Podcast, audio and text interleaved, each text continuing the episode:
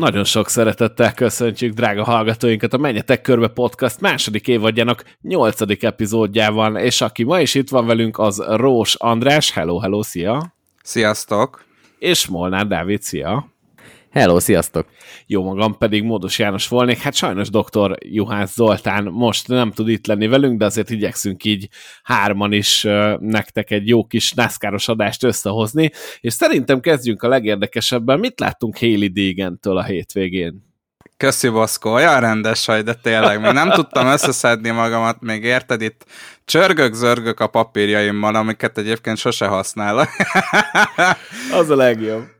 Kezdjük, Haley Deegan? Hát, Kezdjünk, mert hogy csak hogy értsük a hallgatók, az adás előtt beszélgettünk kettő mondatot róla, és Morfi mondta, hogy csak erről ne, úgyhogy akkor Haley Deegan-től mit lát? Nehéz megmagyarázni azt, ami, ami úrá lett a Truck Series, hát igazából a NASCAR szériák egyetlen női versenyzőjén a Kotán, mert hogy három embert lökött ki, azt hiszem az egyik az Matt Crafton volt, másik az Caden Honeycutt, és a harmadik esetre már nem emlékszem, de lehet, hogy csak a, az agyam próbálja kiblokkolni. Majd a verseny után sikerült kirakniuk egy olyan videót természetesen, ami erről szót sejtett, Haley Deegan pedig azt mondta, hogy egy tök jó napjuk volt, bejöttek 16. helyre, igazából semmi konkrét nem történt. Jó, hogy az autója nem volt olyan elem, ami nem lett volna megsérülve bizonyos ütközések miatt, de hát nehéz, nehéz megmondani, hogy, hogy, hogy mi, mi is történt szerintem. Én tipikusan azt láttam ebbe a versenybe, amikor, amit ugye már beszéltünk egy párszor itt a podcastba is, meg privátba is, hogy amikor nem vagy alapvetően annyira agresszív, de próbálod felvenni az agresszív stílust, és nem tud a határokat, és túltolod. Tehát én abszolút ezt láttam Haley Dégentől. És ugye Haley Digan a Track Series mezőnyében versenyez, úgyhogy maradjunk is a Track Series-nél. A versenyt szerintem nem annyira meglepő módon Zane Smith nyerte. Egyébként ez is hozzájárult ahhoz, hogy a hétvége folyamán mindhárom márka futamot nyert. A Ford a Craftsman Truck Series-ben diadalmaskodott, a Chevrolet-nak ugyanez az Xfinity-ben sikerült, és hát Toyota-val nyerték a Cup Series, majd hogy ki és hogyan azt később kidumáljuk. Alapvetően ti milyennek értékelitek ezt a track futamot? Mit láthattunk itt Kotán? A track versenyeknek általában megvan az a kis sármia, hogy mindig látunk benne valami kis érdekességet. Egyrészt ugye ott van, hogyha például egy ilyen kota versenyről beszélünk, ahol nem szeretem a szót, de épített pályán versenyeznek, akkor Kyle Busch mindig ott van a mezőnyben, és Kyle Busch általában megpróbál harcolni a győzelemért. Kyle Busch megint megpróbált harcolni a győzelemért, és nem tudom, hogy láttátok-e, vagy figyeltétek-e a verseny végén, amikor kiszállt Kyle Busch az autóból, hogy milyen savanyú arcot vágott, hogy ő bizony csak a második lett, és ilyen szörnyű dolgok történtek vele. Szerintem egyébként ez a track futam, ez olyan szempontból jó volt, hogy mind az elejében, mind a közepében, mind ugye a mezőny vége felé azért voltak csaták. Voltak csattanások, ahogy ugye az Haley Digennel kapcsolatban már az előbb kibeszéltük.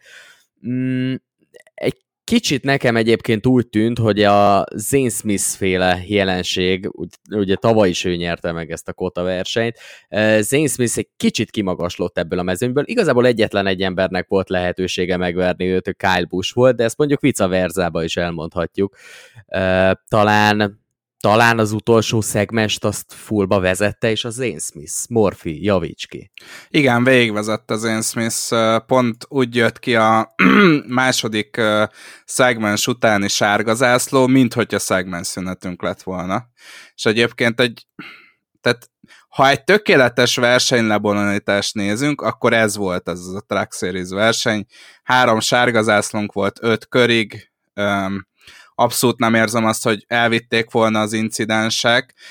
Én azért még Zane Smith és Kai Busch mellé oda pöttyenteném Ross Chastain nevét is, aki ugye a, akinél az üzemanyag pumpával voltak problémák, és és hát hátulról kellett följönni, de még így is, így is beért az ötödik helyre, sőt, hát én szerintem, ha csak a tempót nézzük, akkor Ross Chastain volt a leggyorsabb, de Zane Smithnél most már sokat szor mondjuk azt, hogy jókor volt jó helyen, de ott kell lenni. Tehát neki kell annak a versenyzőnek lenni, aki, hogyha lejönnek ezek a kapos sztárok, akkor, akkor ki tudja használni a lehetőséget. És amikor Kájbus tiszta levegőhöz jutott, és át tudta verekedni magát a második helyen lévő Ben Rhodeson a végén, akkor nem volt gyorsabb Zane Smithnél. Tehát mi arra gondoltunk a kommentátori fülkébe Boros Tomi kollégámmal, hogy na most akkor szépen Kájbus levadász az Zane Smith-t.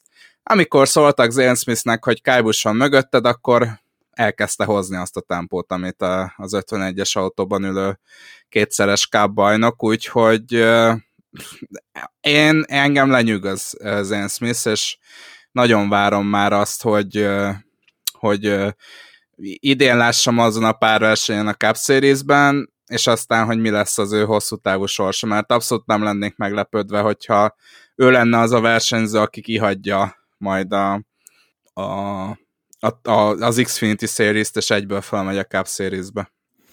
Ilyen szempontból, illetve ilyen szempontból is egy zseniális versenyző Zane Smith. Pontosan akkor tudja kiadni magából a legtöbbet, amikor kell, pont ahogy mondod, amikor lehet spórolni egy kicsit, akkor tartotta azt a bizonyos tempót, ami kellett hozzá, amikor pedig jött Kyle Busch, mint egy fenyegetően, akkor, akkor ment és nyomta, de ez nem csak erre a versenyre igaz. Tehát vannak ezeknek a típusú pályáknak a specialistái, és ezek közé tartozik például, ahogy mondtuk, Kyle Busch, vagy mondtad, hogy Chastain is benne volt, de szerintem pálya specialistának kinevezhetnénk Zane Smith-t is. Hogyha nem tudnánk, hogy amúgy összességében bármilyen oválpályáról legyen szó, tehát legyen szó másfelesről, legyen szó short trackről, igazából bárhol ezt a trackot terelgeti, ott nagyon jól szerepel Zane Smith.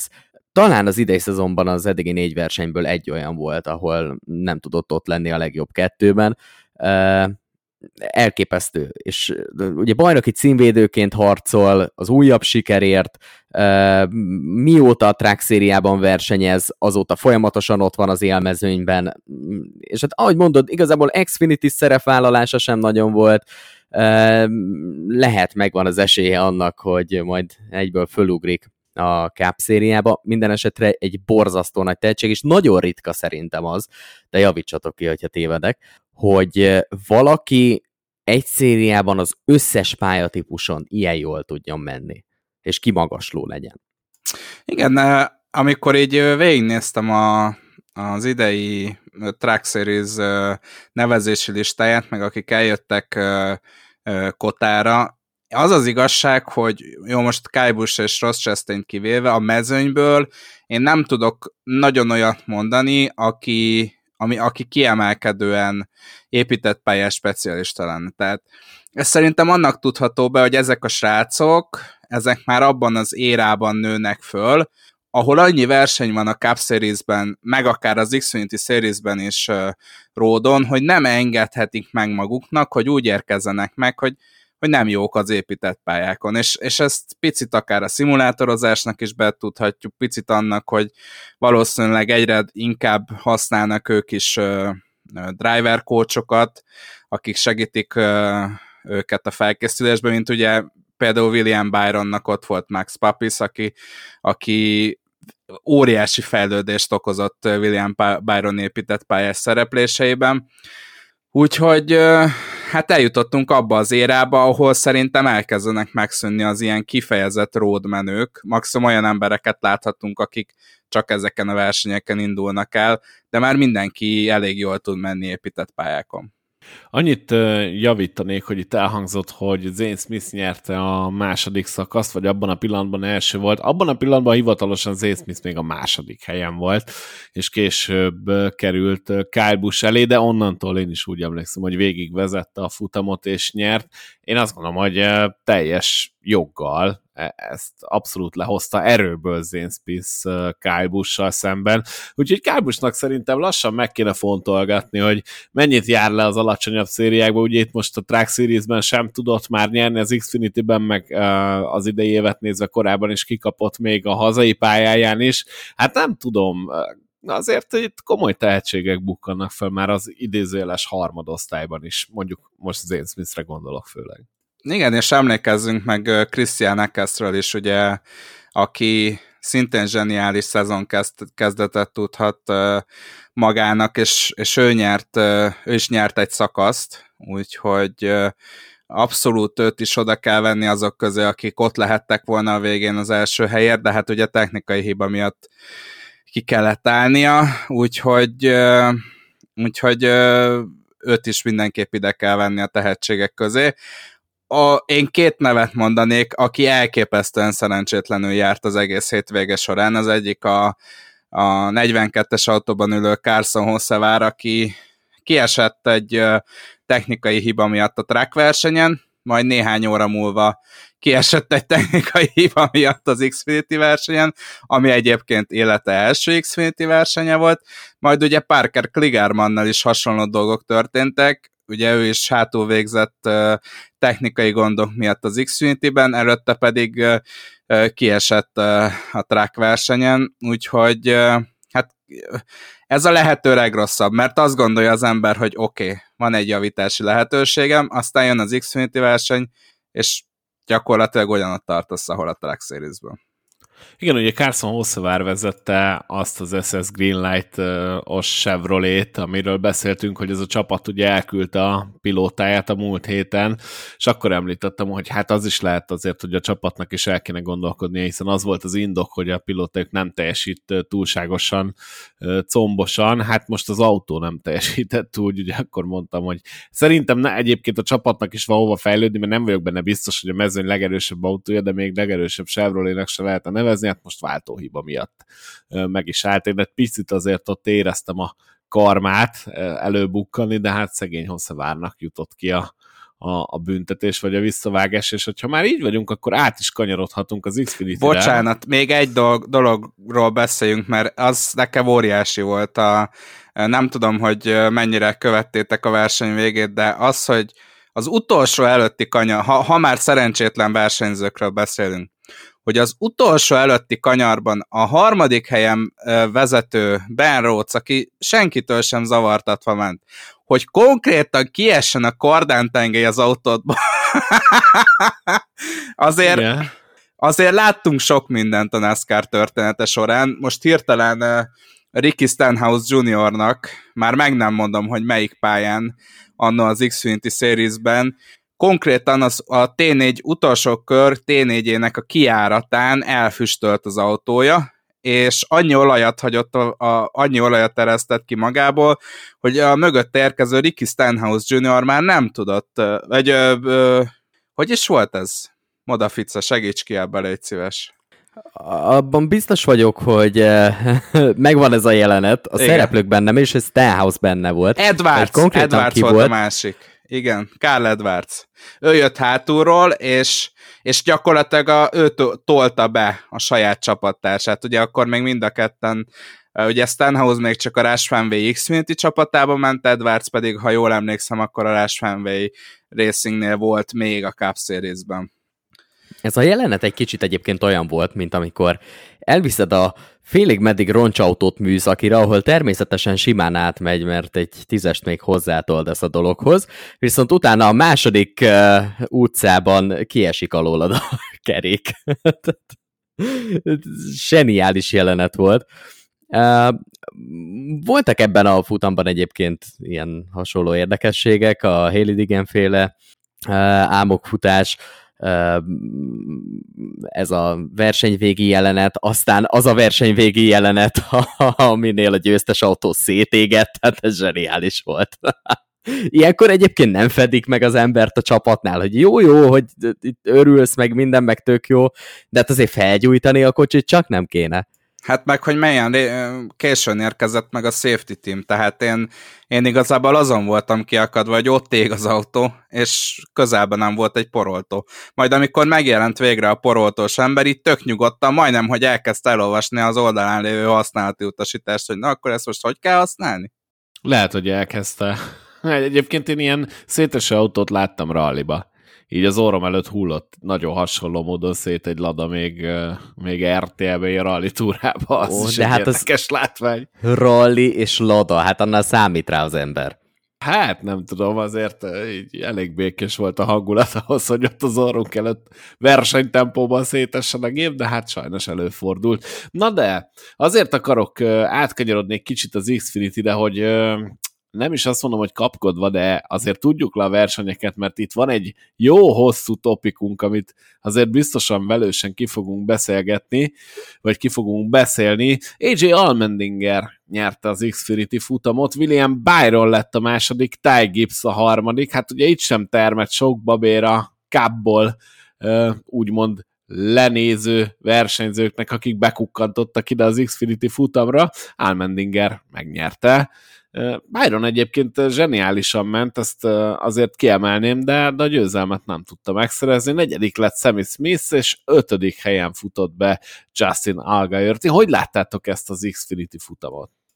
Szorosan fog kapcsolódni az a téma, amit felvetettél ehhez az Xfinity futamhoz is, mert én megmondom őszintén, srácok, hogy rég voltam ennyire mérges versenyzőre, mint AJ Allmendingerre. Tehát szegény Sheldon Creed-et, aki szerintem élete versenyét futotta itt Kotában, olyan ártalmatlan szituációban takarította el gyakorlatilag a pályáról, hogy én nem is értettem. Tehát, hogy, hogy nem, a, nem is a kanyarban, hanem a kanyar előtt már kilökte őt, és hát AJ Almendinger lenyilatkozta tök nyugodt, hogy hát persze én is mérges lennék, ha, lennék, ha velem történne akkor jó. Tehát uh, this is NASCAR baby, úgyhogy teljesen el van nézve az, amit uh, AJ Almendinger csinált. E- ettől függetlenül nyilván a tempója megvolt, csak hát tudjátok jól, szerintem egyikünk se szereti, a, amikor így nyer egy versenyző, és megnéztem volna Sheldon Creed-et, hogy, hogy mit tud csinálni az elejében, hogyha AJ Almendinger nem löki őt ki. Moda, te milyennek láttad ezt a hétvégi x forduló? Mondanám, hogyha nem felejtettem volna lenémítani, vagy visszanémítani a mikrofonomat. Úgy tűnik, hogy ez a podcast felvétel ez már csak ilyen lesz. Szerintem egyébként a három futam közül ez volt a leggyengébb, az Xfinity verseny. Annyira annyira domináns volt Almendinger, és annak ellenére, hogy mondod ezt, Morphy, ezt az esetet, hogy ott összeakadtak egymással Sheldon Creed-del, ettől függetlenül szerintem egy pillanatig nem volt kérdés, hogy ebben a mezőnyben Almendingernek van a legjobb autója, Almendinger van a legjobb formában, és ha nem történik valami óriási csoda, nem pörtül meg még egyszer, mint ahogy a verseny közepén az sikerült összehoznia, akkor itt nem nagyon lesz ellenfele. Amikor Byronnal összecsaptak, és Byronnal ment az idő különbség, meg a csata, stb., akkor is látszódott, hogy ebből AJ Almendinger fog hosszú távon valószínűleg profitálni, és jól kijönni. Tehát ilyen szempontból, hogyha az élmezőnyt, az első helyért folytatott csatát nézzük, szerintem egy kicsit lefutott volt a dolog, mert nyilvánvalóan, ha Xfinity futam, és épített pályás verseny, akkor AJ Almendinger mindig a legnagyobb esélyes, vagy legalábbis a három nagy esélyes közé mindenképpen betartozik.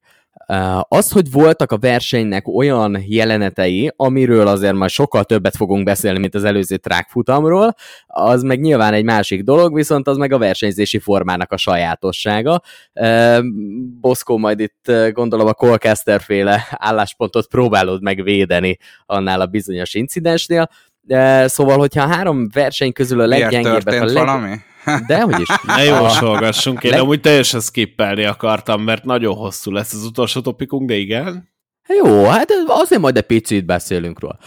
szóval, hogyha a három versenyszériát nézzük, akkor szerintem ez volt a, a leggyengébb, a legegyértelműbb verseny. Valahogy ez egy kicsit fordult az előző hetekhez képest, mert ott meg igazából elmondhatjuk, hogy a track futamot azt, azt majd, hogy nem mindig legyőzte az Xfinity az előző hétvégéken. Nem tudom, hogy ezzel egyet értetek-e. Ezzel igen, és azzal is, hogy ez volt a leggyengébb futam a háromból. Már erős, erős vetétársak vannak, azt kell mondjam nekem, ez a Kota, ez még, ez még mindig megfekszi egy jobbromat, hogyha rágondolok, hogy itt hivatalosan NASCAR hétvégét rendeznek, és ráadásul mind a három szériával, nekem ez még mindig erős, de abszolút egyetértek, most, most a track az, az jobban sikerült, ezzel az Ace Smith győzelemmel meg főleg.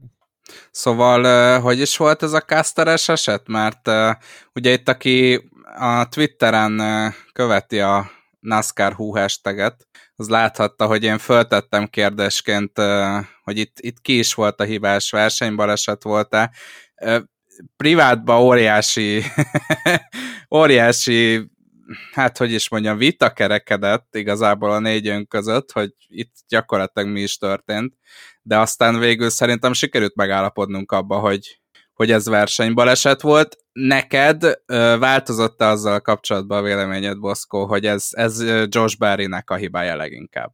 Én azt gondolom, hogy Josh Berry ott tolt egy late blokkot, igen, próbálta Byron-t megfogni, az nem sikerült. Byron zseniálisan beültette a hintába, ugye ez ott a pálya elején történt, és Barry egész egyszerűen nem húzódott vissza a belső évre. Külső éve meg jött Colcaster, aki, aki nem hagyott helyet minden eshetőségnek, valóban egy kicsit szűken ment.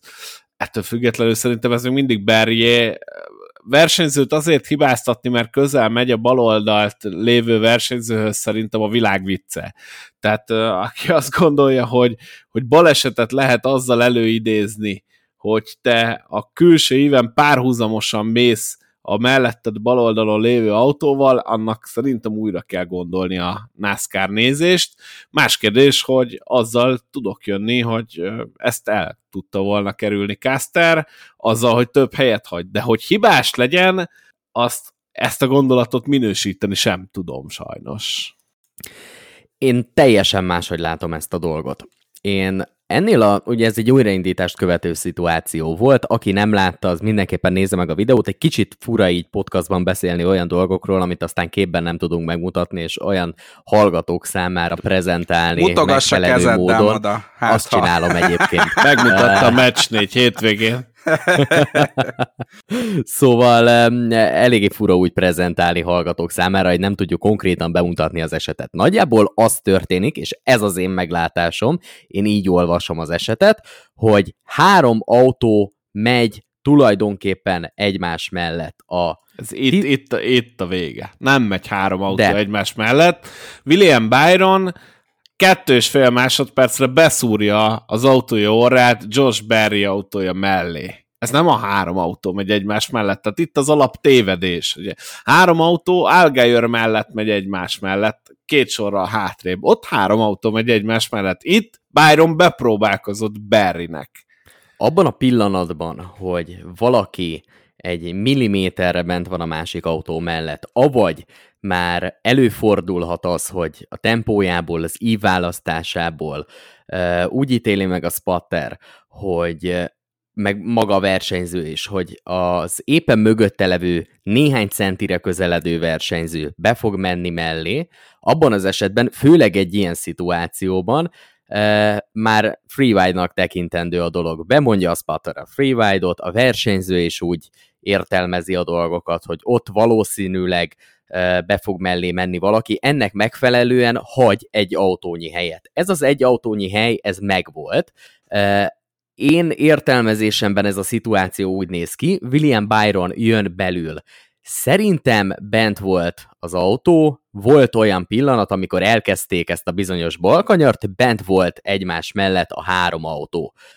Megvan belül továbbra is a nyolcas autó mellett az egy autónyi hely, egy kicsit megcsúszik a nyolcas, és jön Caster, egy kicsit szűkebben fordulva, mint kellene, vagy adott esetben egy freeride szituációban ilyen helyzetben elvárható lenne, összeér a két autó, Caster forog. Én ezt úgy értelmezem, hogy ez egy tipikus versenybaleset, ami ilyenkor egy újraindítás utáni szituációban, amikor egymás nyakán van a mezőny, tulajdonképpen megesik, uh, hibást nem lehet keríteni, mert egy olyan helyzet volt, ami, amit nagyon nehéz kivédeni, ami egy feszült szituáció, amikor milliméterekről, centikről van szó. Caster egyértelműen nem hibás, Barry szerintem szintén nem hibás, William, By- William Byron meg aztán abszolút nem hibás. Egész egyszerűen ilyen szituációk előfordulnak. Ezzel kapcsolatban szerintem olyan nagyon sok tárgyalni való egyébként nincsen. Ja, ezzel teljesen egyetértek. Ahogy így elmondtad, most ez száz százalékig jövök vele. Annyi, hogy, hogy nem is azt mondanám Berryre sem, hogy hibás, hanem azt mondanám, hogy egy nála rutinosabb pilóta ezt megoldotta volna úgy, hogy ebből nincs versenybaleset. Ez szerintem egy módon lehetett volna jól megoldani ezt a helyzetet, vagy úgy megoldani, nyilván nem, két megoldása lett volna a dolognak. Uh, figyel Caster, és figyel Barry.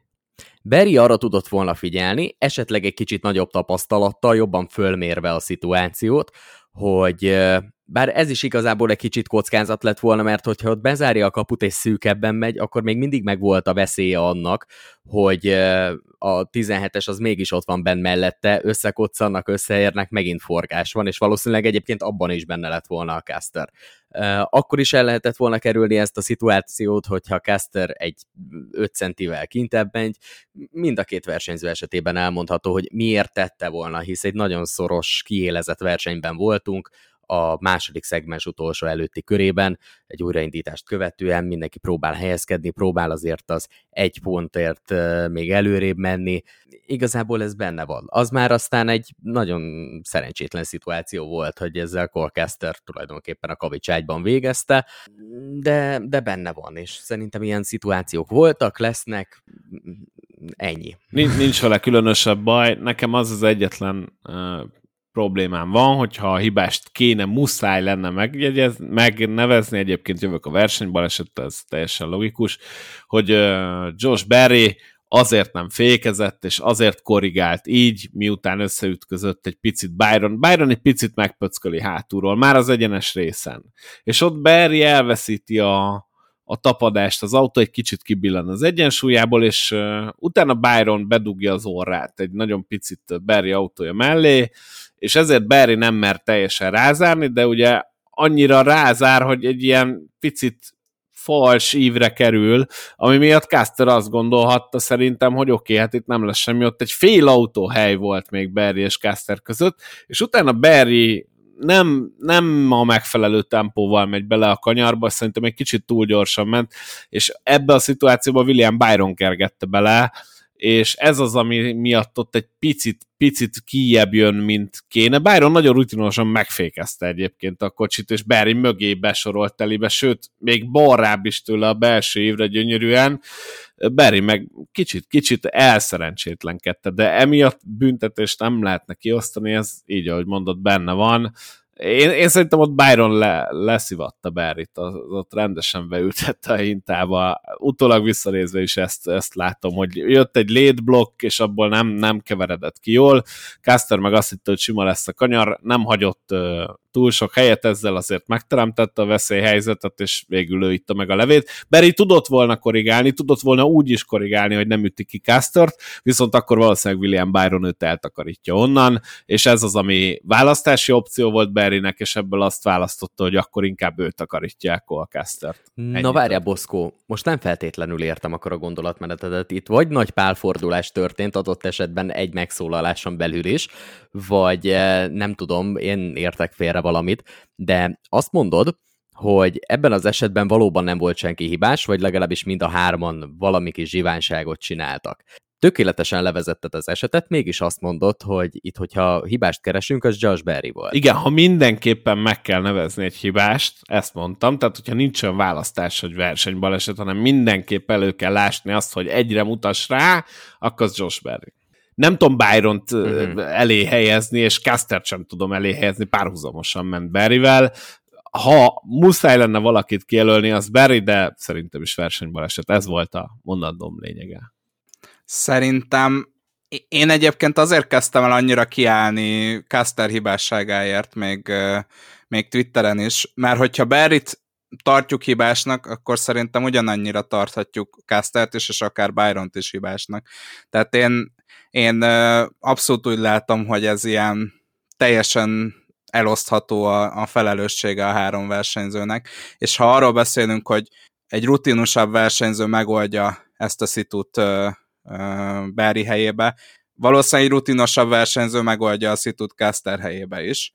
Tehát uh, az egyetlen dolog, amivel előrébb lennénk, az az, hogyha meghallgathatnánk egy összeszinkronizált fedélzeti kamerás, spotterrel összeszinkronizált fedélzeti kamerás videót Caster részéről, Byron részéről, meg Barry részéről, amit ugye a Cup Series-ben már meg lehet tenni, mert uh, ingyenesen elérhető az összes versenyzőnek a onboardja, meg az összes versenyzőnek a, a rádiója is, de hát sajnos ezt az Xfinity Series-ben nem tudjuk megtenni.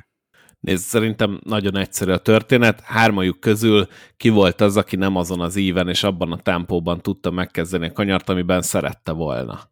Ez Josh Berry. Tehát Cole Caster is ott ment, ahol szeretett volna, Én William Byron is, is a... ott ment, ahol szeretett volna, az egyetlen ember, aki ki lett billentve az egyensúlyából, és össze-vissza kavírnyázott és megcsúszott, az Josh Berry volt. Én továbbra is azon az állásponton vagyok egyébként, aztán tényleg rövidre zárhatjuk ezt az esetet, hogy, hogy Josh Berry csak azért ment azon az éven, mert amikor megkezded a kanyart, és te is jól tudod, Boszkó, hogy egy ilyen NASCAR autóban, főleg a Track Series-ben, meg az Xfinity Series-ben nem úgy működik a, a vezetés, hogy azt csinálsz az autóval, amit akarsz. Tehát előre el kell gondolnod, hogy te mit fogsz csinálni az autóval, és milyen éven fogod venni. És uh, szerintem, amikor elkezdte a kanyart, és felkészült a kanyarra Josh Berry, akkor ő azzal számolt, hogy ott a belső éven lesz még egy autó, és William Byron autója ott fog maradni. E, és amikor már ben vagy a kanyar közepén, egy dolgot tudsz tenni, belefékezel egy kicsit, amiről tudjuk, hogy valószínűleg még inkább egyenesen elindult volna az autója, és még inkább kilöki Colcastert, úgyhogy én továbbra is azt látom, hogy Barry eldöntötte, hogy milyen, akar, milyen éven akar bemenni, annak a tudatában, hogy ben volt mellette Freeride-ban William Byron még a kanyar kezdetekor. Szerintem tökéletesen elmondtad egyébként, Boszkó, hogy mi igazolja Josh Berry ártatlanságát. De most, ha az igazolja az ártatlanságot, hogy elveszíted az uralmadat a saját járműved fölött, akkor igen. Nem, hanem az, hogy egy másik versenyző jó voltából veszted el. Tehát az, hogyha túl nagy tempóval ment volna bele a kanyarba, senki se körülötte sehol semmi, megcsúszik az autója, persze, ő a hibás. De ott azért volt egy kontakt is, ami miatt hogyha nem is nagy mértékben, de azért megindult az az autó, és egy ilyen centis szituációban ez simán számíthatott annyit, hogy most éppen összeérnek-e Casterrel, vagy nem. Ja, mindegy.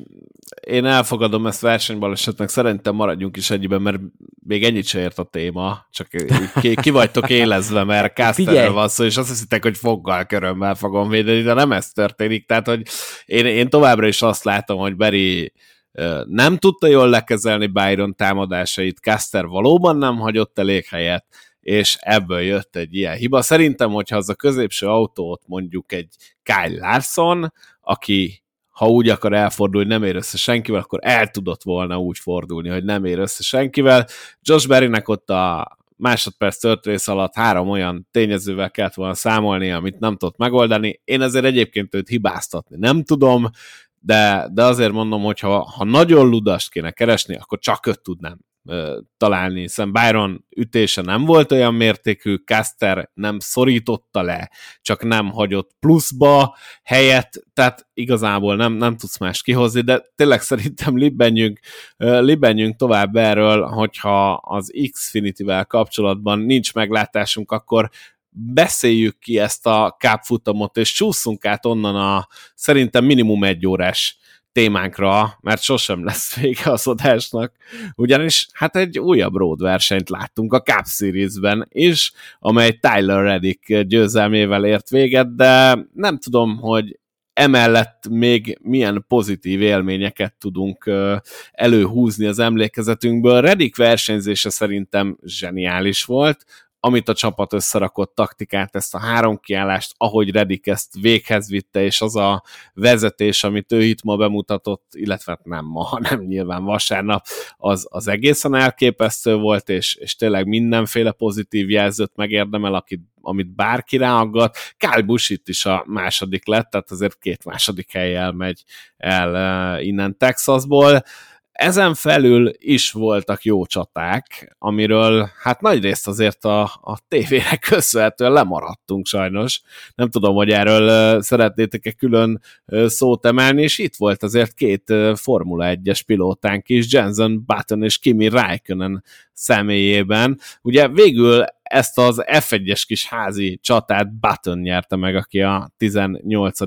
helyen ért célba, de itt volt ugye Jordan Taylor is, aki nagyon-nagyon jól szerepelt az időmérőn, végül a versenyen elég pekes futam után a 24. helyen ért célba, gyakorlatilag láthattunk részben jó versenyt is, de alapvetően, amit a verseny végén tapasztaltunk szerintem, az volt az extra, de mindegyikötök mondja el a gondolatait ezzel a Kotai Cup Series futammal kapcsolatban, és akkor utána megyünk a nagy topikunkra, hogy mivel lehetne jobbá tenni a NASCAR-nak a road versenyzés, hogy esetleg miken kéne változtatni. Én, én megmondom őszintén, hogy nagyon élveztem a futam első felét, még úgy is, hogy a, az esetek nagy részét nem láttuk, vagy hát az előzések nagy részét nem láttuk, mert hát a szokásos Fox rendezés az nem igazán ült itt az év első épített pályás versenyén, úgyhogy én nagyon élveztem, hogy nem voltak szegmenszünetek, nagyon élveztem, hogy láthattunk stratégiát, amit hát meg nem tudom mondani, hogy mióta nem láttunk épített pályás versenyen azt, hogy, hogy többféle stratégiát láthatunk, és ö, egyébként még egy picit nagyon minimálisan visszakanyarodva az Xfinity-re, az Xfinity-ben is ez volt a szép, hogy ott is Kybus gyakorlatilag azért vesztette el a versenyt, mert egy másik stratégiát választott, ö, mint, mint Zane Smith, és ezt láthattuk a Cup Series versenyen, és hogy többfajta ö, kiállási ritmust hoztak be a csapatok meg a versenyzők, és hát kellett az, hogy Tyler Reddick elképesztően gyors legyen, tehát kiemelkedően gyors legyen. Ehhez a, ehhez a taktikához az kellett, hogy körülbelül két másodperccel gyorsabb köröket jöjjön mindenkinél. Picit átnyúlva egy Forma 1-es példára, nekem olyan volt ez, mint Mihály Schumacher 98-as Hungaroringi győzelme, amikor egy olyan taktikát választottak neki, ahol az összes körének kvalifikációs körnek kellett lennie, és ezt meg tudta oldani Mihály Schumacher, és most ezt meg tudta oldani Tyler Reddick is, úgyhogy ha nem nézzük a versenynek az utolsó részét, ami egy elég nagy része volt, akkor ez egy tök jó kis verseny volt. Alapvetően nem sok pozitívumot tudunk találni a végeredményben, azon kívül, hogy Tyler Reddick teljesen megérdemelten nyert.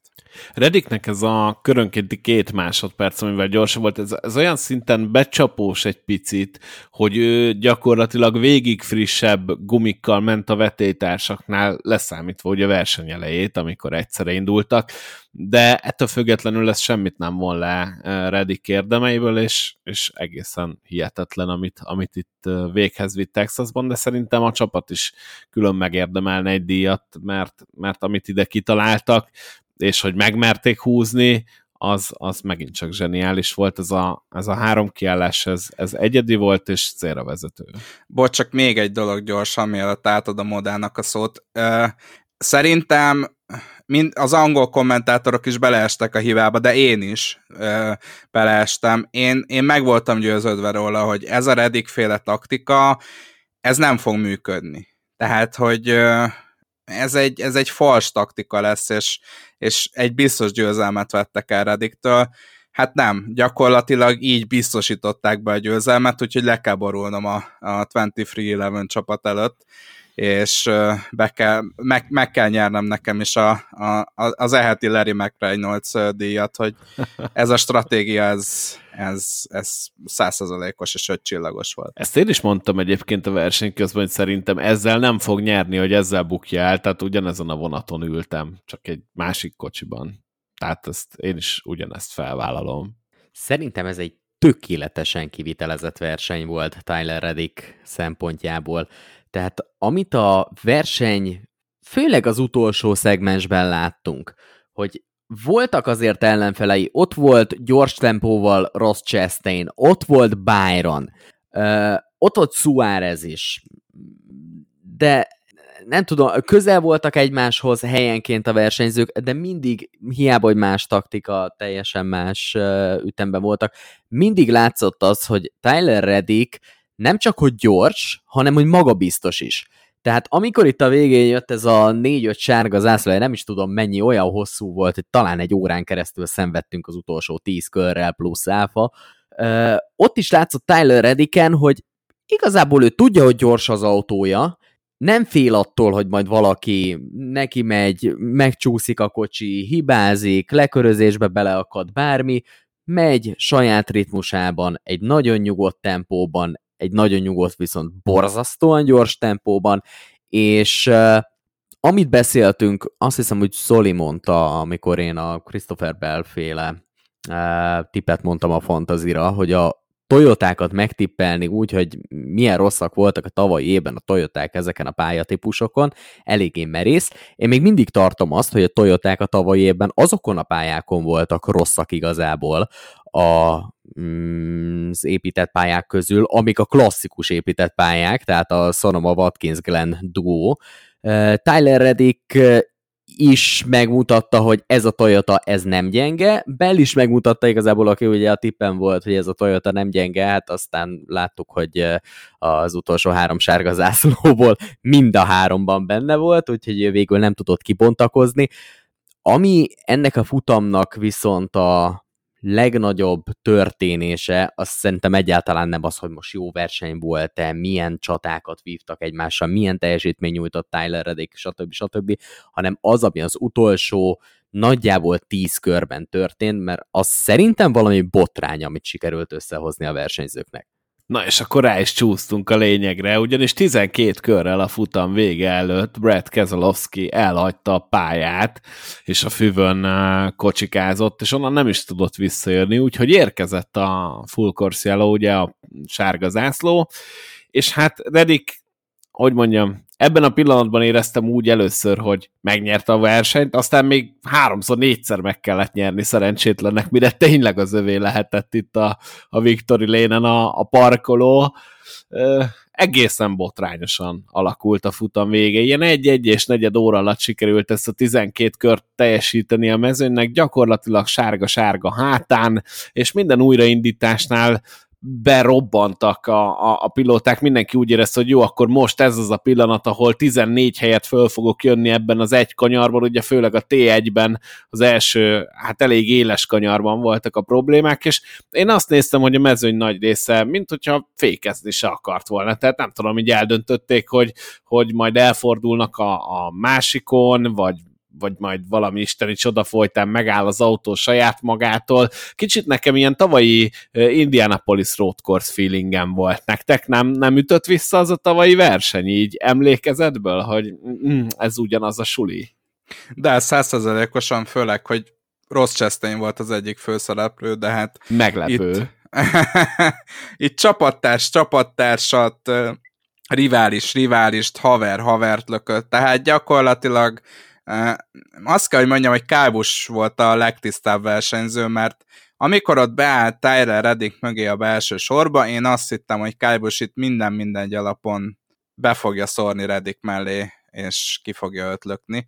Ehhez képest Kábus volt az, aki teljesen tisztán megtartotta a második helyét, és, és bejött Reddick mögött, és azt aztán a két bűnös versenyző, Alex Bowman és Ross Chastain következett, Úgyhogy hát itt én nem is tudom, mit.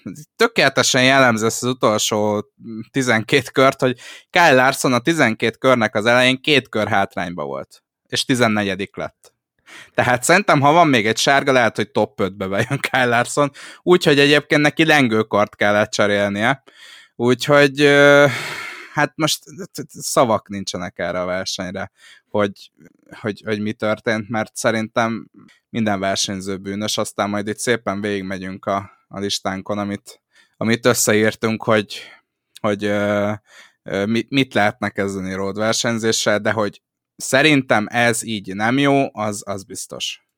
Van néhány ilyen jó példa egyébként arra, ami tökéletesen megmutatja, hogy a verseny utolsó köreiben mi történt. Nem csak az a két körös hátrány Kyle Larsonnál, de ha a Corilla Joy féle 34. helyről feljövünk a 11. helyre című történetet mondjuk, Corilla Joy nem a legjobb rótpályás versenyzés, akkor azt gondolom, hogy eléggé finoman fogalmaztunk a, tehát az van, hogy zseniális. Az, hogy Kyle Busch a, szintén a top 20-on kívülről föl tudott lépni, és ő mondjuk erőből is előre tudott jönni, mert mindig az újraindításoknál benne azért megvolt a lendület, megvolt a tempó, az is valami elképesztő eredmény, de hogyha a legnagyobb hátraesünk, és majd aztán előre megyünk című történetet keressük, az szerintem Ross Chastainé, mert ő az első, tehát ugye itt a 12, 12 körrel a vége előtt, ami volt sárgazászló, annak az első újraindításánál pördült meg, és végül a verseny negyedik helyen zárta. Úgyhogy uh, itt uh, csak ezekből a statisztikai adatokból is lehet már következtetni arra, aki nem látta itt az utolsó köröket, hogy milyen óriási káosz lehetett ezen a versenyen. És én nem tudom, hogy mit lehetne erre a dologra kitalálni, de ahogy mondod azt, Andris, valamit mindenképpen ki kell találni erre, mert ez Nyilván szeretjük bizonyos szempontból a káoszt, meg nézőbarát olyan szempontból, hogy nyilván olyan versenyzőket, vagy olyan nézőket is be tud vonzani ebbe a történetbe, akik alapból nem érdeklődnek a NASCAR iránt, mert a vérszagra mindig gyűlnek a népek, de az, hogy ez pozitív szempontból a megítélését a NASCAR-nak, meg a versenyzőknek nem viszi előre, az egészen biztos. Meg az én idegeimet is kicsinálja, amikor egy órán keresztül azt kell nézni, hogy elindulunk és megállunk. Ez egészen biztos. Na de amikor ránézhetek a Jeff Gluck féle Twitter szavazásra, ugye a szokásos jó verseny volt-e eh, kérdésre, gondoltátok volna-e, hogy az a vége, hogy 72,5% azt mondja, hogy ez egy jó verseny volt? Mert, mert akkor nem, nem ugyanazt a műsort néztük most hétvégén. Szerintem az a 30 százalék, aki azt mondta, hogy ez nem egy jó verseny volt. 27 és fél legalább pontosak. Rendben, köszönöm a pontosítást. Szívesen. szóval én ebbe a részlegbe tartoznék akkor, hogyha mondjuk megkérdeznek az utolsó 15 körről. Nem vagyok benne biztos egyébként, hogy ezt a százalékbeli adatot nem másik irányba befolyásolta volna az a dolog, hogyha ezt az utolsó 12 kört zöld zászló alatt tudjuk letudni. Én, én nagyon meglepődtem, de kicsit mégsem lepődtem meg. Tehát az, amikor a NASCAR lenyilatkozza, miután Jordan Taylor, Jensen Button és Kimi Räikkönen is lenyilatkozza, hogy ez egy shit show volt, és a NASCAR illetékes szakembere, azt hiszem a alelnöke azt mondja a Sirius XM rádióba, hogy hát 75 éves a NASCAR, mi 75 éve így versenyzünk, ha akinek nem tetszik, az ne jöjjön ide versenyezni. Hát ez, hát az ez a egy zseniális hozzáállás. 75 éves a NASCAR-ral, hogy azért, mert 75 éves a NASCAR, azért nem kell 75 sárga zászlós futamot kreálni. És egy kicsit Majd Martinsville-be. Igen, majd elidőzünk ott is. Uh, tehát én uh, ezt egy kicsit olyan kapálózós szagúnak tartom ezt a dolgot, amikor a NASCAR minden áron akarja védeni a maga igazát, hiába, hogy a versenyzők ezt mondják, azt mondják, sokan lenyilatkozzák, hogy ez, ez tényleg nem volt jó, stb., de azért mégiscsak ragaszkodunk ahhoz, hogy hát ez a NASCAR féle versenyzés, amit nagyon jól tudtok, meg nagyon jól tud mindenki, eh, aki hallgatja már régóta ezt a podcastot, hogy én mennyire szeretem ezeket a, rótpályás, meg úgy összességben nem csak rótpályán, de rótpályán kiemelten, amikor neki megyünk a másiknak, és semmiféle büntetést nem kapunk azért, mert vagy szándékosan, vagy csak túlzott, hogy fogalmazzak szépen, túlzott bátorság okán neki lökjük a másikat című dolgot, és ezért nem kapunk büntetést lehet, hogy valamiféle büntetési tételt be kéne hozni az ilyen esetekre, és az egy kicsit visszaszorítaná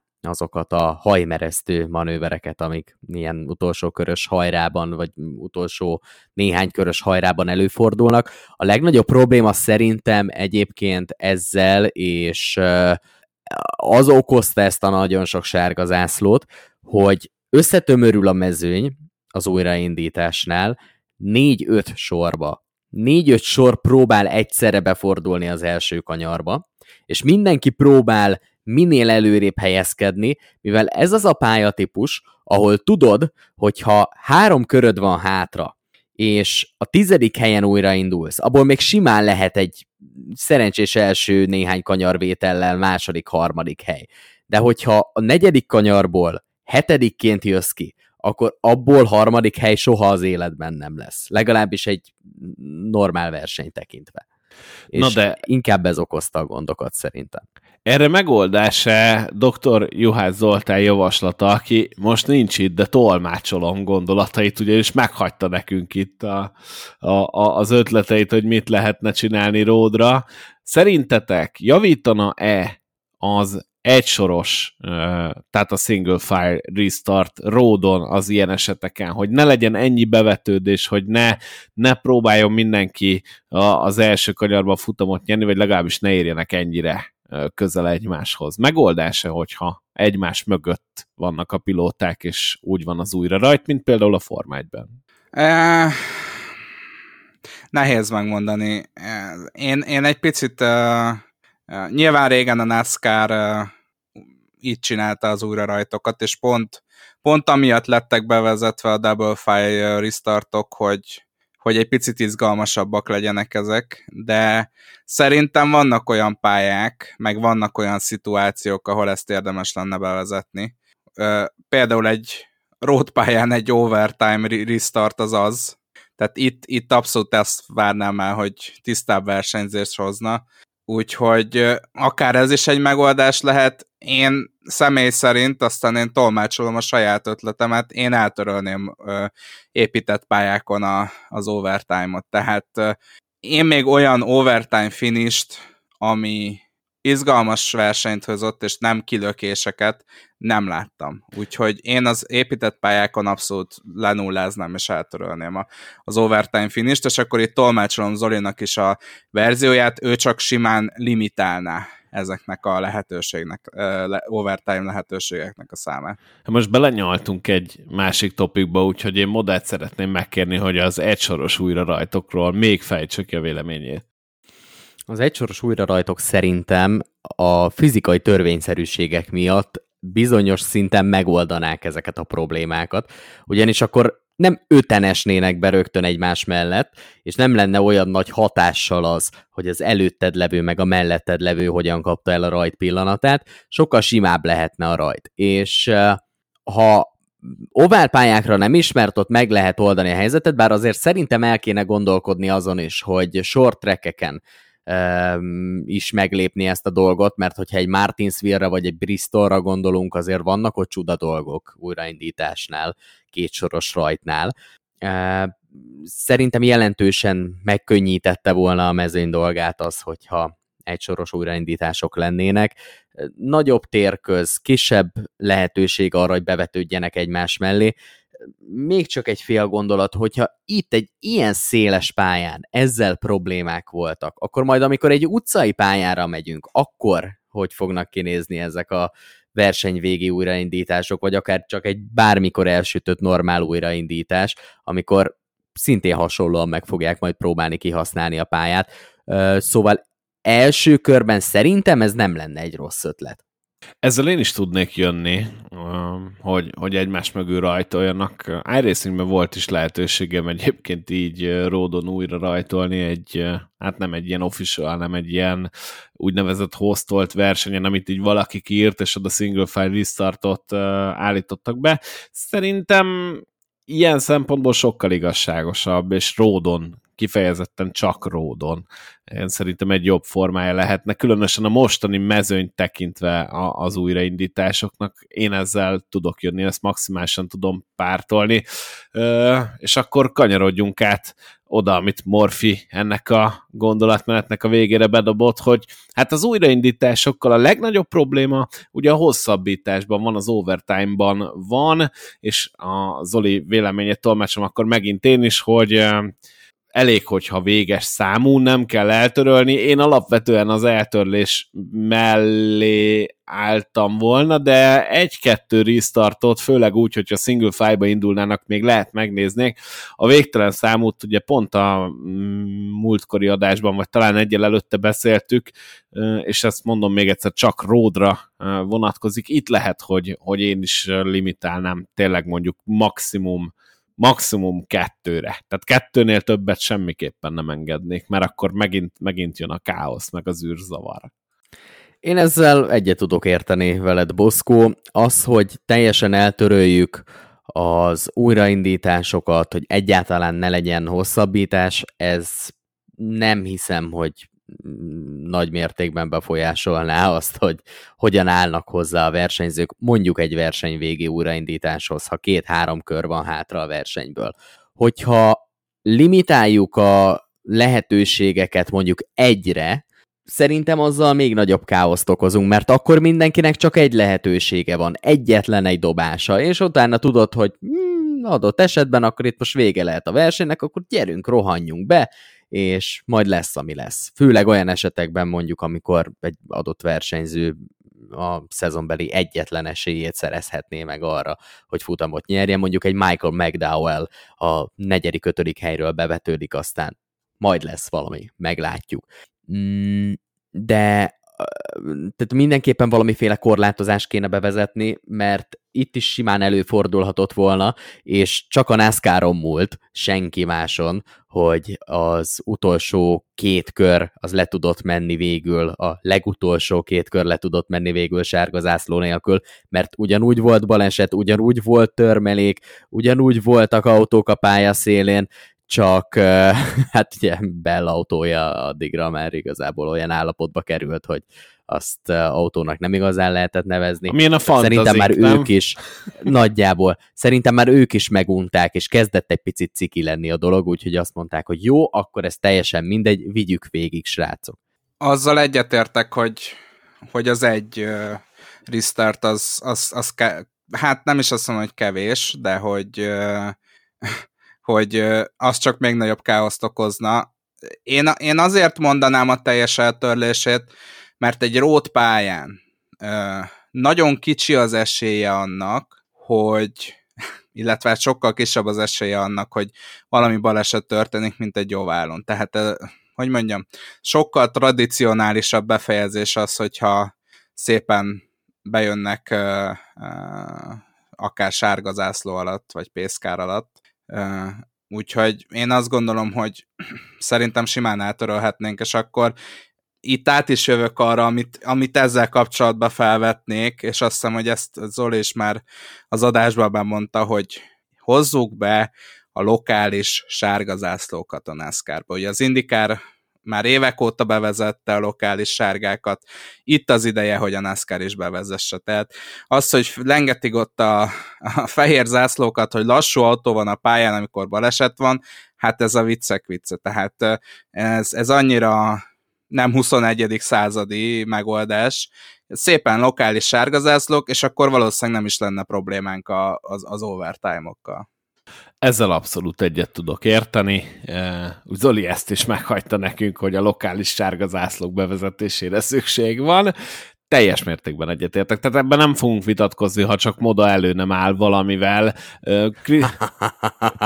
én ugyan vagyok Készül. én bármi jónak az elrontója?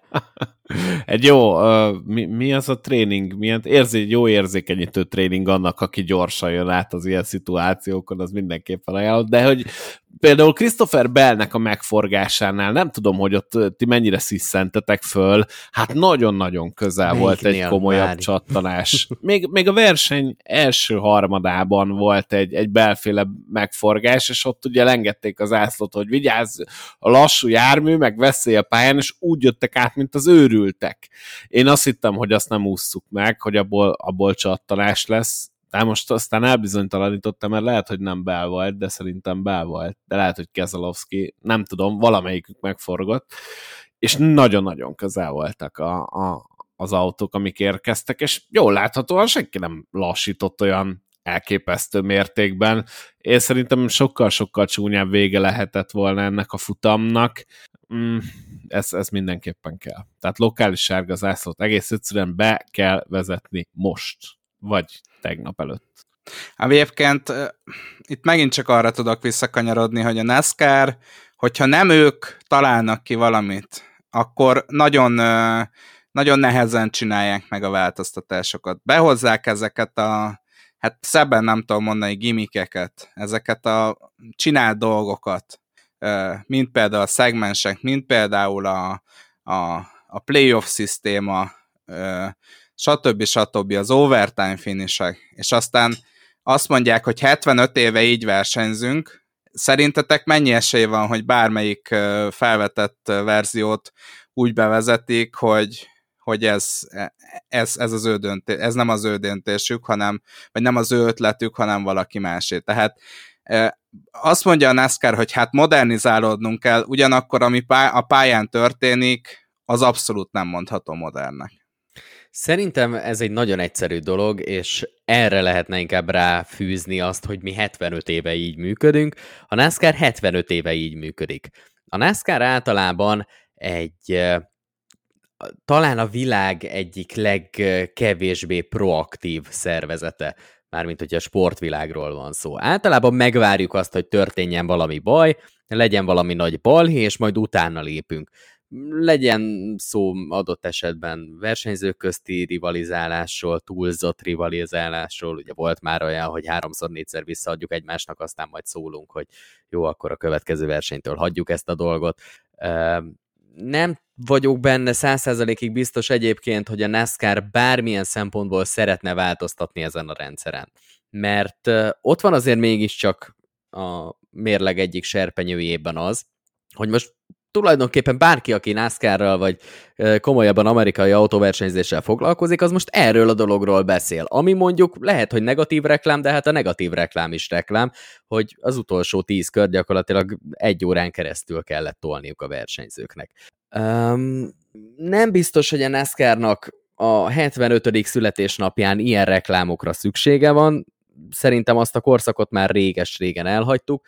A problémák azonban szerintem még mindig a gyökerekből adódnak, nevezetesen abból, hogy a NASCAR az egy oválpályás sport, és oválpályás szemszöggel, vagy oválpályás szemüvegen keresztül gondolkodnak a rótpályákról is. Hiába, hogy most már szép lassan egyre nő a számuk, átalakították az autókat úgy, hogy viszonylag jól lehessen közlekedni velük rótpályán, és van nyitás a világ többi része felé, de azért ez még mindig az az igazi, vérbeli, déli, amerikai oválpályás sport, ami 75 évvel ezelőtt elindult. És szerintem a legnagyobb probléma az ez. És nagyon lassan kezd el bármilyen irányba mozgolódni a NASCAR, hogyha ilyen proaktív lépésekről lenne szó, hogy megelőzzünk egy esetleges olyan kalamajkát, amit meg mondjuk már láttunk egy héttel ezelőtt, vagy három nappal ezelőtt. Szerintem erre egyébként rá cáfol a tavalyi év, hogy a negyedik fokozat után még lehet váltani az autókba, úgyhogy a remény hal meg utoljára.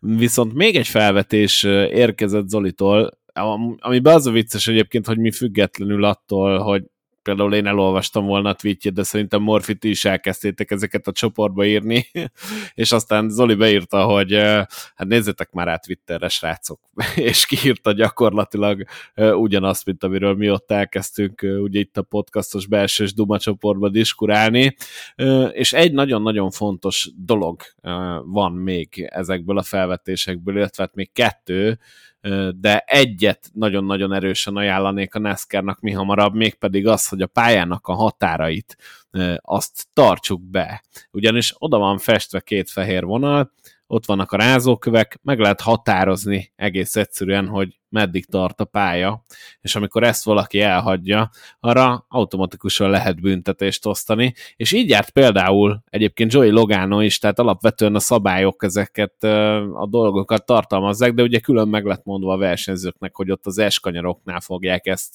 nagyon figyelni, és egyébként a pálya többi pontján figyelmen kívül van hagyva gyakorlatilag az, hogyha valaki kiszélesíti, vagy a bukótérben gyorsít, vagy bármi, bármi ilyen pályaelhagyás az büntetlenül marad, és szerintem ez nem jó irány. Tehát én, én ilyen szempontból nagyon igazat adok a Forma 1-nek, és lehet, hogy én vagyok túlságosan földhöz ragadt, de, de a pálya fehér vonalig tart, meg a rázókőig maximum, és nem tovább. Ti hogy látjátok, nem lehetne egy biztonságosabb, adott esetben izgalmasabb futamot futni, hogyha végig az egész futamidőtartam alatt a pályán közlekednének a versenyzők a versenyautókkal? Bennem egy dolog merült föl, hogyha vannak bizonyos kanyarok, ahol nem lehet vágni és nem lehet szélesíteni, akkor miért vannak olyan részei a pályának, ahol ez meg teljesen rendben van? Hogyha a NASCAR Bocs, azt mondja a... a NASCAR, hogy hogy ott időt nyersz vele, máshol nem. Dehogy nem. Ez bonts ki. Hát, na, megint arra tudok visszakötni, hogy ez még mindig egy oválpályás sport, és oválpályás szemszögből próbáljuk megközelíteni a dolgokat. Lehet azt mondani, hogy a NASCAR versenyzéshez kell egy kicsit nagyobb terület. Ennek ellenére elviszik Csikágóba a versenyeket, tehát akkor lehet erről is beszélni, hogy utcai pályára való ez a dolog, de majd azt szépen, amikor odaérünk, szerintem kivesézzük. Nem. Köszönöm szépen, én is így gondolom. Be is fejeztük a témát, majd ezt bevágjuk az akkori adásba. Texas Motor Speedway, ja, az az előző adásban volt. szóval, mit kezdtem el mondani? Ja igen, tehát, hogy egy kicsit uh, lehet azt mondani, egy szélesebb pálya kell a NASCAR-nak. Oké, okay, rendben van, de szerintem nem olyan drága, bár egyre inkább kezdenek fölmenni az árak, de nem olyan drága a festéknek az ára, hogy ne lehetne kihúzni a pálya szélére mondjuk még egy 5 méterrel az adott tív mellé egy vonalat, és hogyha azt átlépitek, akkor onnantól kezdve büntetés van. Vagy hagyjuk ezt az egész dolgot a francba, és ne büntessünk a kilökésekért, és ha nem büntetünk a kilökésekért, akkor a vágásokat se jutalmazzuk mindenféle büntetéssel, és hogyha a vágásokat nem jutalmazzuk, akkor meg nem mondjuk már azt, hogy a szélesítések is pontosan ugyanabba a kategóriába tartoznak. Nem látom benne a logikát. Jó, bizonyos szempontból van, nyilván az teljesen más, amikor a sikán telibe átvágod, és úgy mész le a pályáról, de amikor az egyik kerekeddel a pálya elejé kanyar kombinációkban az egyik kerekeddel egyetlen milliméterrel elhagyod a vonalat, és megbüntetnek érte, míg a következő kanyar kiáratánál elmész a korlátig, és az teljesen rendben van, akkor az szerintem egy picit ciki. De most te azt mondod, hogy fessünk föl új vonalakat a pályára, úgyhogy már van. Tehát, hogy lehet szeretni Herman Tilket, meg nem, lehet várj, nem szeretni. Én de azt mondom, ott... hogyha minden áron szélesebben, szélesebb íveket szeretnének megautóztatni a versenyzőkkel, akkor adott esetben el lehet azon gondolkodni, hogy ha ez a pálya túl szűk a NASCAR-nak, mint ahogy nem tudom, hogy Szonomában a ö, füvet azt ö, hogy oldanák meg, hogy ott egy picikét szűk az első szektor, és szélesítsük ki, mert tök jó, ott nyilván nem húzogatnak vonalakat, de hogyha azt mondják, hogy jó, ez az ív így adja ki, így izgalmasak, így lendületesek a versenyek, tök jó, húzzunk oda egy vonalat. Én, én ezt, ezt abszolút nem tudom pártolni, ne, ne húzzunk. Tehát, hogy húzott a Herman Tilke, mondom, lehet akkor őt szeretni, be. vagy lehet őt utálni, de akkor ő, ő már meghúzta. Tehát ez kota, ezt tudja a Circuit of the Americas, akkor ez van. Ha, ha ezen szar a futam, akkor nem kell idejönni, mert amúgy szar. Én abszolút ezzel tudok jönni, csak másik álláspontra, hogy ilyen a pálya. Tehát ha idejössz kotára, így lett megépítve ez a pálya. A NASCAR-nak nincs meg az a technológiája, mint a Forma 1-nek megvan, és nem is lesz meg az a technológiája, hogy tudja büntetni a, a szélesítéses. Meg, megvan, megvan. Tehát amikor a box kiállásoknál tudják azt lézereszkennel nézni, hogy kint voltál-e a pit helyedről, vagy kikerült-e bármiféle eszköz a pit helyről, akkor szerintem ezt is meg lehet oldani nem tudom, én, én továbbra is uh, azt mondom, hogy ha van egy ilyen pálya, ahol gyakorlatilag oda mész, ahova akarsz, akkor oda mész, ahova akarsz. Tehát akkor oda mehess, ahova akarsz. Viszont azzal nem értek egyet, és akkor talán itt szerintem át is lendülhetünk, aztán lehet, hogy átadom Boszkónak, hogy felvezesse, hogy én, meg ezt szerintem már itt veled moda egy párszor elmondtuk,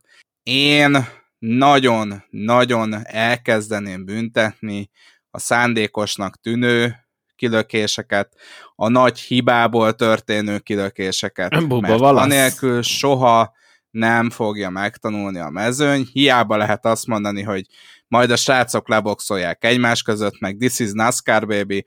Ez most már olyan szintre eljutott, hogy a srácok nem tudják megoldani egymás között, mert újjal mutogatnak, hogy én azért csinálom, mert ő is ezt csinálja. Igen, ez a baj, hogy eldurvult a, a, a szituáció, és, és már nincs, tehát én azt érzem, hogy ródon van a legkevesebb tisztelet a pilották közt egymás iránt, valamiért itt mindenki megkattan, és erre a tavalyi Indianapolis volt a, a legnagyobb figyelmeztető vagy intőjel eddig, mert szerintem ez a kotta legalább ugyanúgy sikerült, ha, ha nem rátett egy lapáttal, és ha már nagy hibáról beszélünk, akkor muszáj megemlíteni Baba Valaszt, amit én itt így közben így beböfögtem a, a mondandót közepébe, csak hogy el ne felejtsük. Hát Baba egészen elképesztő módon rontott el ott a hosszú egyenes utáni féktávot, és kiütötte Eric Jones és Kyle Larson, de nem kicsit. Tehát, hogy hogy az olyan szintű amatőr mozdulat volt, és egyébként ő maga is így vélekedett erről, sőt azt is mondta, hogy hát, hát megint egy rookie mistake, és ő szerint a csapatnak őt már ki kellene rúgnia. Hát szerintem ezt azért nem mondogassa sokszor, mert lehet, hogy ott föld még megfontolják. Ez szerintem egy teljesen más szituáció, mint amiről a Morfi beszél. Tehát ez... Igen, csak onnan jutott eszembe, hogy, hogy volt egy ilyen bődületes nagy hiba, és nehogy kimaradjon igen, az igen, adásból. Igen, igen. Mindenképpen, és én egyébként ez teljes mértékben, tehát uh, szintén büntetéssel jutalmaznám. Teljesen mindegy, hogy most uh, azt te szándékosan csináltad, de vagy éppen csak elnézted azt az adott, adott féktávot, a te hibád volt, bűnhőgy érte. Nyilván a másik versenyzőnek, akivel meg emiatt kitoltál, az már nem lesz jó érzés, hogy jó, akkor téged megbüntettek, stb. De legyen valami vonzata ennek a dolognak.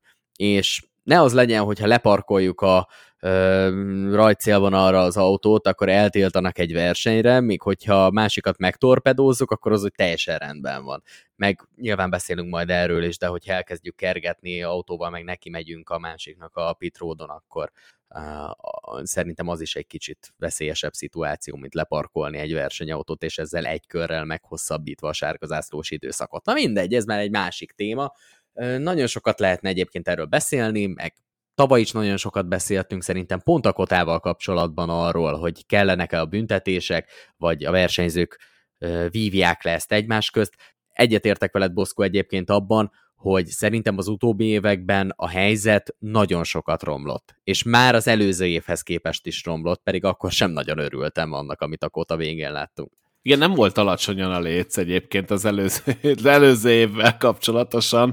Én csak azt az Indianapolis versenyt tudom felhozni, de még azt is sikerült bőven-bőven alul lőni ennek a, a kotának, én úgy érzem, és Baba Valasznak nincs szerencséje itt, ugye tavaly a kerekét hagyta el, bár az nyilván önhibáján kívül történt, de hát ez az idei hiba, ez, ez valami egészen brutális volt. Szerintem egy olyan hát minimum 70, de lehet, hogy 100 méterrel nézte a féktávot, és a legnagyobb szerencséje volt, hogy ott még éppen fordultak, ugye Larson és Eric Jones, és abba tudott valamelyest becsapódni, bár elég nagy a bukótér, hogyha kiengedte volna egyenesen, akkor valószínűleg meg tudott volna állni, de hát ez, ez, ez valami hihetetlen uh, rookie mistake. Na mindegy, nem akarom erről a büntetéses topikról teljesen elvonni a figyelmet, csak hát engem ledöbbentett uh, baba, de akkor térjünk vissza a, a büntikre, hogy ezekért a kilökésekért, amiket láthattunk a, a, az overtime-ban, a hosszabbításban, uh, ténylegesen kéne büntetést adni, és jövök veled móda ebben, hogy igen. Tehát, hogy nagyon szeretem a NASCAR-t, meg nagyon szeretem a kemény versenyzést, meg nagyon szeretem, amikor a srácok lerendezik egymás között, de ez szerintem az agyhalál kategória, amit itt láthattunk megint, már sokadjára, főleg ezekkel az új generációs autókkal, ennek most már valahol gátat kéne szabni, mert, mert a versenyzés és a, a, a nézhetőség rovására megy. Ez az én véleményem. Csak egy gyors gondolat még azelőtt, hogy Morfia kezedet letennéd. Érdekesség gyanánt, én biztos, hogy meg fogom hallgatni, hogy akkor még Capidet néven szerepelt a podcastunk tavaly, konkrétan egy évvel ezelőtt a hasonló felvetésekre mi volt a reakció. És szerintem ez egyébként tökéletesen megmutatja majd, hogyha összehasonlítjuk az akkori meg a mostani gondolatainkat, hogy mennyit romlott ez a dolog. Én olvastam most a Twitteren egy érdekes megjegyzést, hogy most lehet itt azt mondani, hogy a NASCAR az ilyen évek óta, meg igazából 75 éves létezése alatt végig ilyen volt. Igen, de aki egy picit már régebb óta nézi a NASCAR-t, azért a NASCAR szándékos kilökésekért, kilökésekért sokszor büntetett 2010 előtt. 2010-ben hozták be ezt a Have It Boys úgymond iratlan szabályt, azaz srácok, boxoljátok le egymás között. Igen, csak nézzük meg, hogy kik voltak akkor a mezőnyben, olyan veterán versenyzők, akik abba úgymond nőttek föl, hogy igen, keménynek kell lenni, de azért nem idióta módon keménynek, amit most itt látunk a, az épített pályákon, meg néhány oválpályán is.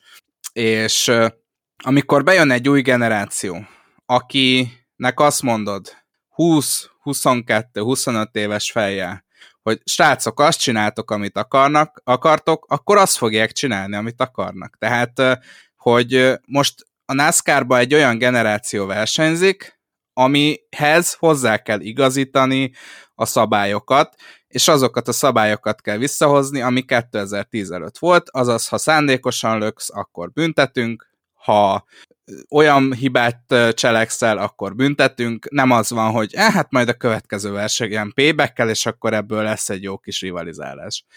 Érdekes, mert én ezt is külön szedném Ovára és Ródra, de, de ez már lehet, hogy nagyon, nagyon uh, alumínium csákos elméletekbe vezet.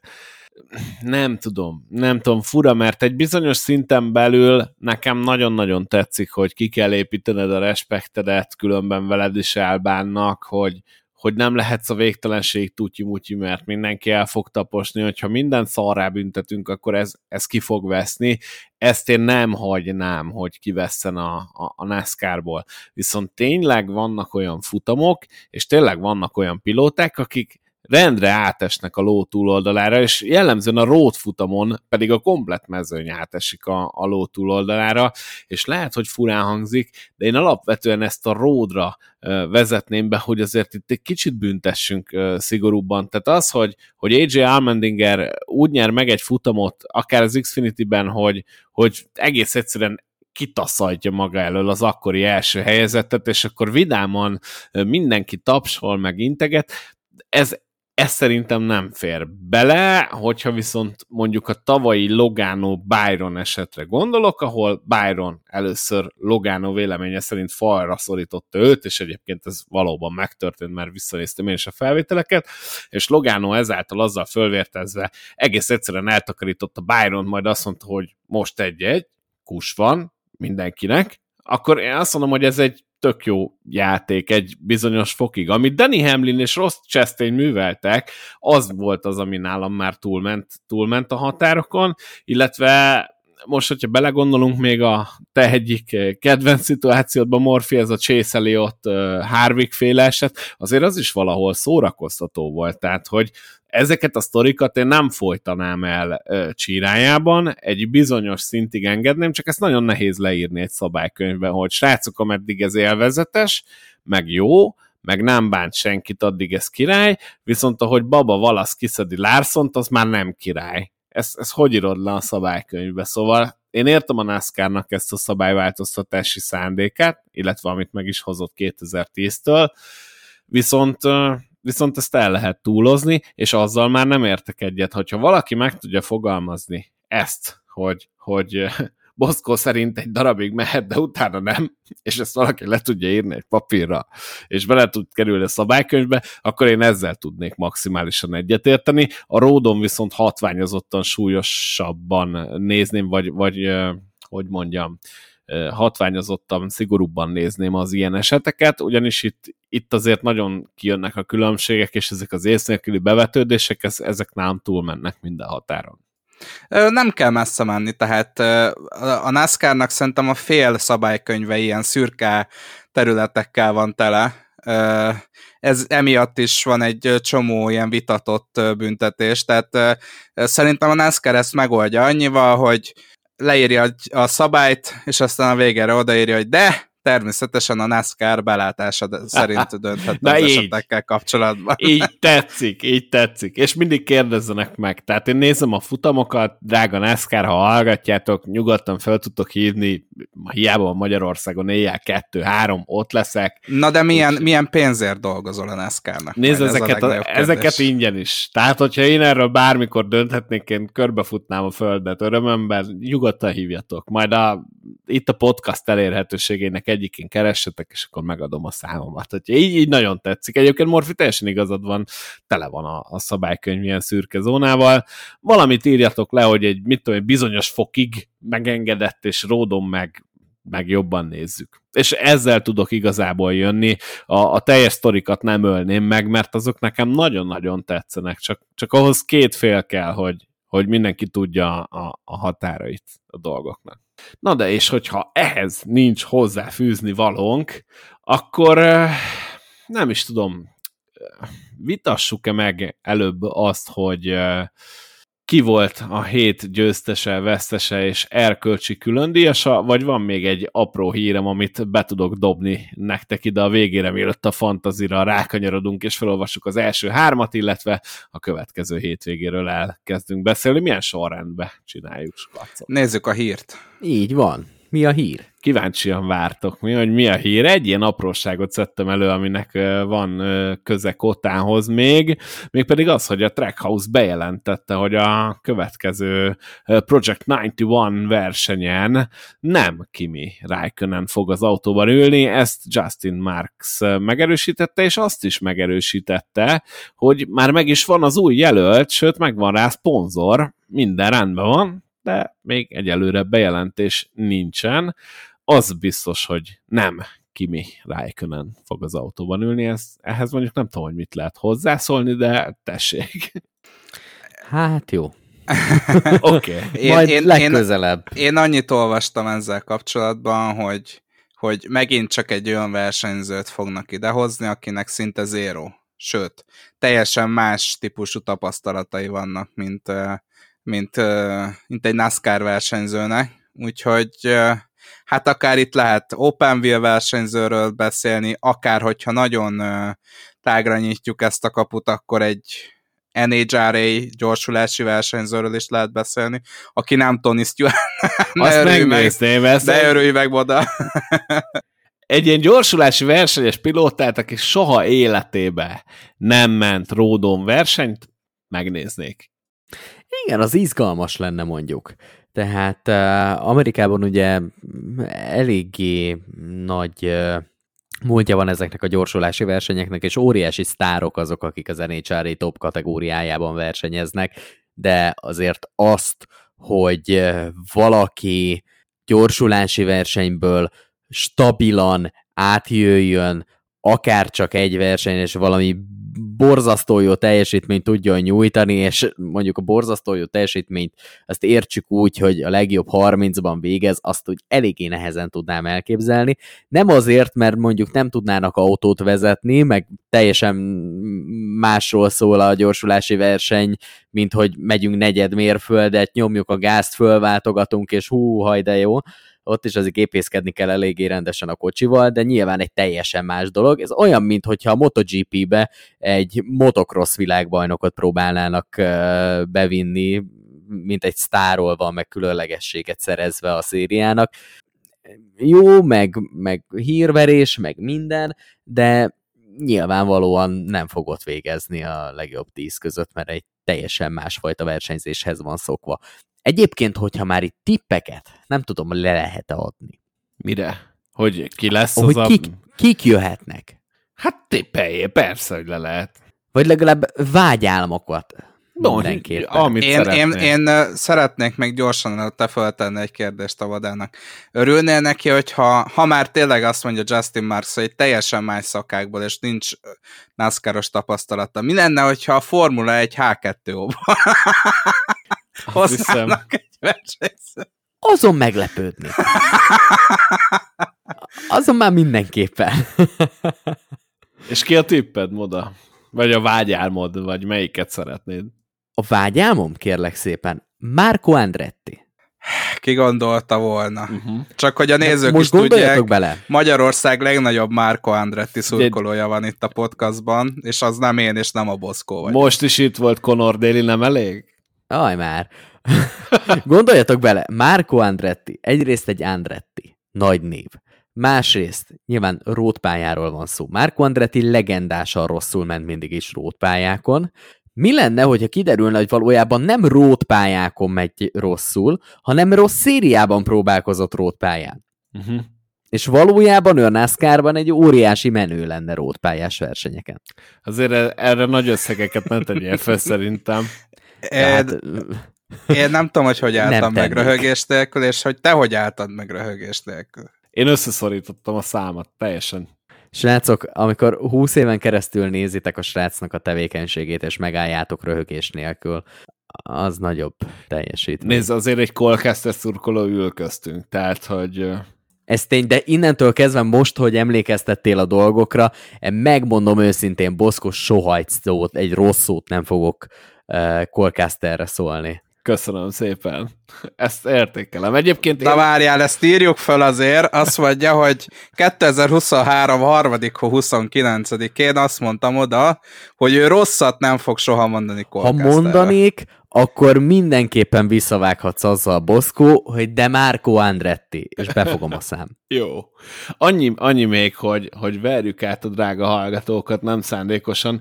Ezt 30-án mondtam oda csütörtökön. Mert akkor így ki fog derülni, hogy éjszakában nyúlóan nem vágtam Jaj, az bocsánat. Adást. ja, igen. Fú, ma nagyon durva jó idő volt, nem srácok? Hétegre sütött az eső.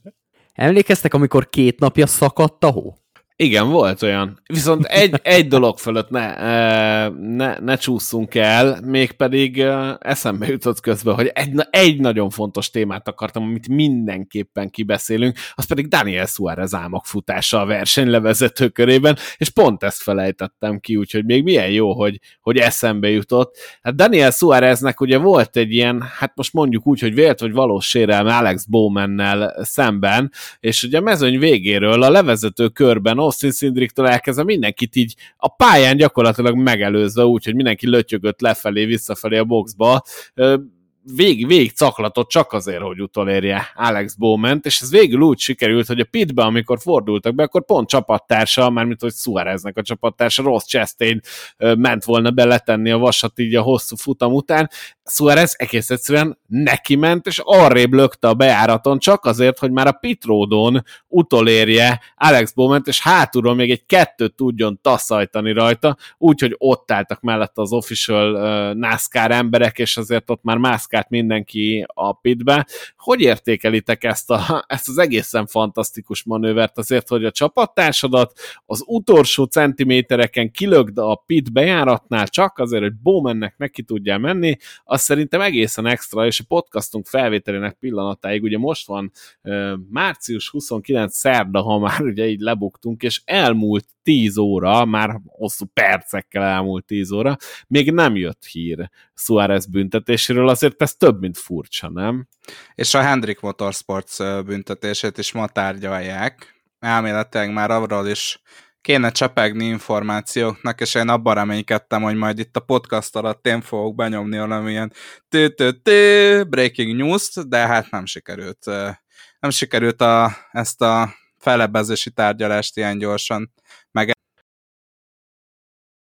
Na hát sajnos Morfi nem tudta befejezni a mondatát a Hendrik Motorsportos óvással kapcsolatban, mert itt megszakadt a felvétel, de észrevettük, és újraindítottuk, és akkor most kérlek pontosan onnan, ahol félbehagytad, vagy ahol megállt a felvétel, onnan folyt. Jó. Menni Val- fog? foglalkozni szerettünk volna. nem, valami, nem, egy más volt a vége. Szóval az a lényeg, hogy Hendrikes híreink sincsenek még. I- igen, nem kaptunk, és lehet, hogy még a te technikai problémád is azt akarta, hogy és meg is, hát Boszkó, Megjött ilyet, a hír. Megjött, megjött a hír, 19 másodperc ezelőtt. Ennyi. Bob, a mikrofonom Bob tudta, hogy le kell szakadni a felvételnek. Igen. A pénzbüntetés és az eltiltások, a krúcsi feltiltások maradtak, viszont a pontbüntetéseket visszavonták a Hendrik Motorsportsnál. Döbbenet. Döbbenet, mert azt hiszem, hogy pont ezt beszéltük, csak a krúcsi feltiltások nélkül, ugye? Hogy, igen, hogy a igen. pénzbüntetés maradt tavaly is, mindenkinél, ugye Baba Valasznál is az maradt végül. Hát jó, akkor a krúcsifek el vannak tiltva. Szerintem ez valahol szomorú ez a, ez a sztori, de most ne kezdjük újra a, szerintem kitárgyalni. Viszont azt várom, hogy ti mit gondoltok erről. Hát figyeljetek, szerintem a lehető legolcsóbban úszta meg ezt a Hendrik Motorsport. Tehát, hogyha már ezt a büntetést teljes mértékben nem lehetett visszavonni, mert szerintem ebből a dologban nem akarta NASCAR túlzottan arcvesztéssel kiszállni, akkor a lehető legjobb döntés született, pontokat azokat megtarthatják, egy kis apró pénzt befizetnek, jó nyilván ez a 100 ezer dolláros büntetés, ez azért még NASCAR-os szinten is óriásinak számít, de hogyha belegondolunk abba, hogy milyen pénzdíjazások szoktak pattogni egy-egy versenyen, akkor ez azért egy ilyen, nem mondom, hogy apró pénz kategória, de ki lehet gazdálkodni. A crewchiefek felfüggesztése az meg olyan, hogy szerintem a Hendrik Motorsportnál azért van egy olyan erős merítés, amivel ezeket az eltiltott szakembereket bőven lehet pótolni. Szerintem a lehető legjobban jött ki ebből a Hendrik Motorsport és meg a NASCAR is. Igen, ebben az az érdekes, hogy, hogy a, a, a fellebbezéssel foglalkozó testület az bűnösnek találta a Hendrik Motorsportot, és ennek ellenére a playoff pontok és a, az alapszakaszbeli pontokat visszaállították. Tehát én nagyon kíváncsi leszek egy pontos leírásra és magyarázatra, hogy ez utóbbi, ha bűnös, a Hendrik Motorsports, akkor miért vonták vissza ezeket a büntetéseket? Igen, ebben a felállásban mindenképpen érdekes, viszont a műsoridőnk vége felé járunk lassan. Mit szólnátok, hogyha átsúsznánk a fantasy tippekre, illetve a kibeszélőre, Még... hogy ki volt az, aki a legjobb volt a hétvégén, tehát a hét győztese, vesztese, erkölcsi különdíjasa, igen. Még egy fél mondatot, hogyha megengedsz. Nem. A... Akkor tehát a... Eh, Daniel Suárez eltiltásán még mindig gondolkodnak? Én nagyon remélem, hogy, hogy mire befejezzük a meccs négyes felsorolásokat, meg az időpontokat, addigra meg lesz az is. Hát Mert a múltkori Williams kicsit. féle eltiltáson ott, ott nem volt ilyen nagy vita. Érdekes ez a Suarez sztori, nekem is több hangot láttam már Twitteren, hogy gyerekek mi van már, tehát most már ezt, ezt ki kellett volna hirdetni, de egyelőre még semmi.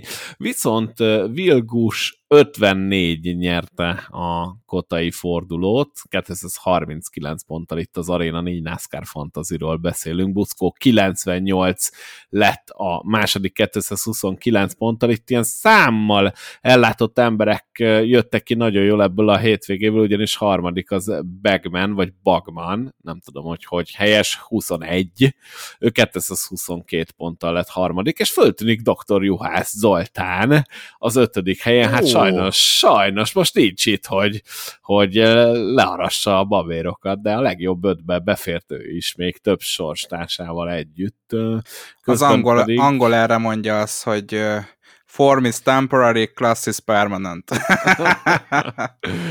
Igen, ennyit erről. Uh, még gyorsan próbálom kikeresni magunkat. Mármint, hogy akik most Valahol itt jelen nagyon vagyunk. hátul, nagyon én, hátul. Én nem mertem én, még megnézni. Én, én megint egy angol kifejezésre jönnék, de ezt lefordítanám. Nincs mi miatt hazaírni. Oké. Okay.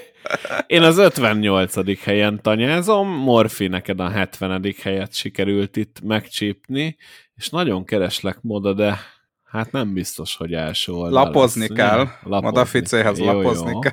Nagyon pár üres oldalt még át kell ugrani, és Keresem, a negatív keresem. pontszámokkal Meg is szereplek. van, 121. Ez az. hely, nem is rossz. Több pontot szereztél, mint ahol végeztél, ugyanis 151 pontot gyűjtöttél, és akkor nézzük az összesítettet, hát itt a papa vezet, itt Pisti a második, és Kincses 87 a harmadik helyen áll az összetetben, és hogyha itt kerestek, akkor Modafice 21 azért az, az egészen szép, azzal semmi tartjuk, baj nincs. Tartjuk.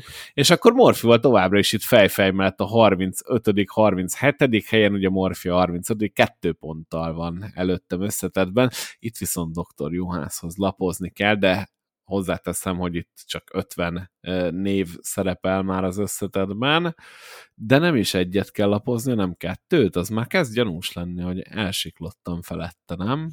Hú, itt már 120, nem, itt biztos, hogy biztos, hogy elsiklottam, még lehet előttünk van Zoli. Nem, itt van, a másik oldal, 54. 54. Zoli, de jön, jön, most ez egy jó szereplés volt. Hozzátenném, hogy az én fantazim az így az újraindításoknál a végén ment csődbe, ugyanis egészen addig az első helyen álltam több sorstársammal együtt.